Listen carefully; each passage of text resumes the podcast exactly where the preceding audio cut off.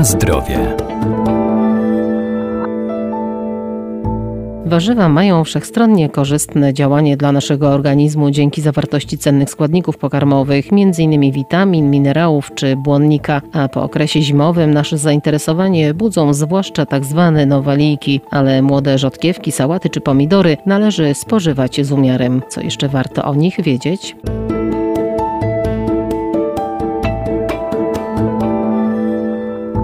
Nowaliki, czyli młode warzywa wyhodowane w szklarniach, ukazujące się po raz pierwszy na przedwiośniu, nie mają tak intensywnego smaku i zapachu jak warzywa gruntowe i w porównaniu do nich zabierają mniejszą ilość witamin, m.in. ze względu na niewielką dostępność światła słonecznego. Można powiedzieć, że to są takie warzywa, które najpierw pojawiają się w nowym sezonie, a więc od marca do czerwca i są to warzywa, które są uprawiane w szklarniach. Dr Wojciech Radzki, Wydział Nauk o Żywności i Biotechnologii Uniwersytetu Uniwersytetu Przyrodniczego w Lublinie. Przykładem takich warzyw, jakby najczęściej spożywane takie warzywa to sałata, rzodkiewka, ogórek, pomidor, marchew czy szczypior. Ważną kwestią jest to, że obecnie w sklepach możemy znaleźć warzywa, które niekoniecznie muszą być nowalikami, dlatego że mogą to być również warzywa i owoce importowane, na przykład z północnej Afryki e, i one są w zasadzie dostępne przez cały rok. Z nowalikami e, wiąże się, czy może się wiązać niebezpieczeństwo związane z zbyt dużą, zbyt wysoką zawartością azotanów. Może się to brać stąd, że rośliny, które rosną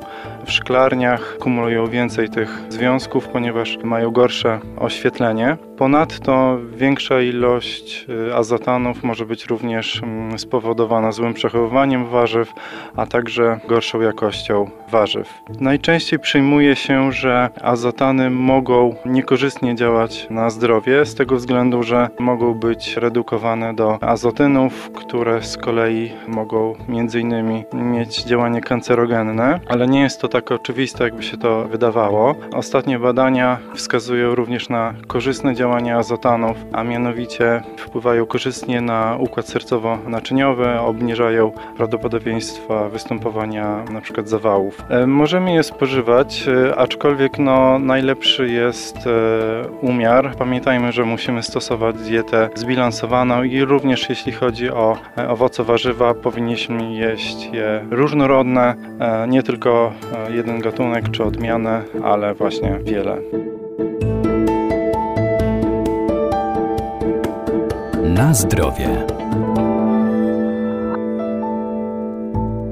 Przy zakupie warzyw, także tych młodych, zdecydowanie wybierajmy te mniejsze. Ich wielkość może sugerować nadmiar związków azotowych. Istotna jest także obróbka wstępna czy termiczna. Możemy w pewien sposób również wpływać czy ograniczać tą ilość azotanów, które dostarczane są do naszego organizmu. Przede wszystkim pamiętajmy, że wybierając takie warzywa, unikajmy warzyw, które mają na przykład zbyt duże rozmiary, Prawdopodobnie one wtedy zbyt dużo azotanów wchłonęły. Również Pamiętajmy o tym, że niektóre warzywa kumulują więcej tych azotanów, inne mniej. Duże ilości azotanów są absorbowane przez na przykład e, sałatę, e, rzodkiewkę, natomiast e, ogórek i pomidor kumulują dużo mniej tych związków. Również obróbka wstępna może przyczynić się do obniżenia zawartości azotanów.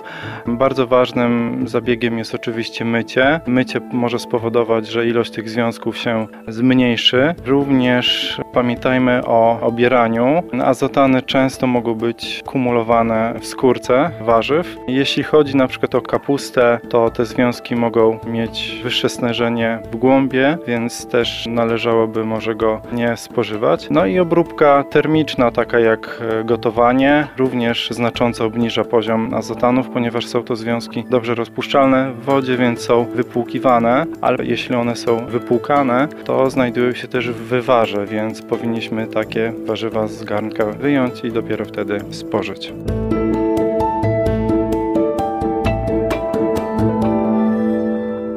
Warto pamiętać, że dla naszego zdrowia ważne jest właściwe przechowywanie nowalijek. Nie wolno ich trzymać w foliowych, szczelnych torebkach, nawet w lodówce, bo wytwarzająca się tam wilgoć przyspiesza przemianę azotanów w rakotwórcze substancje.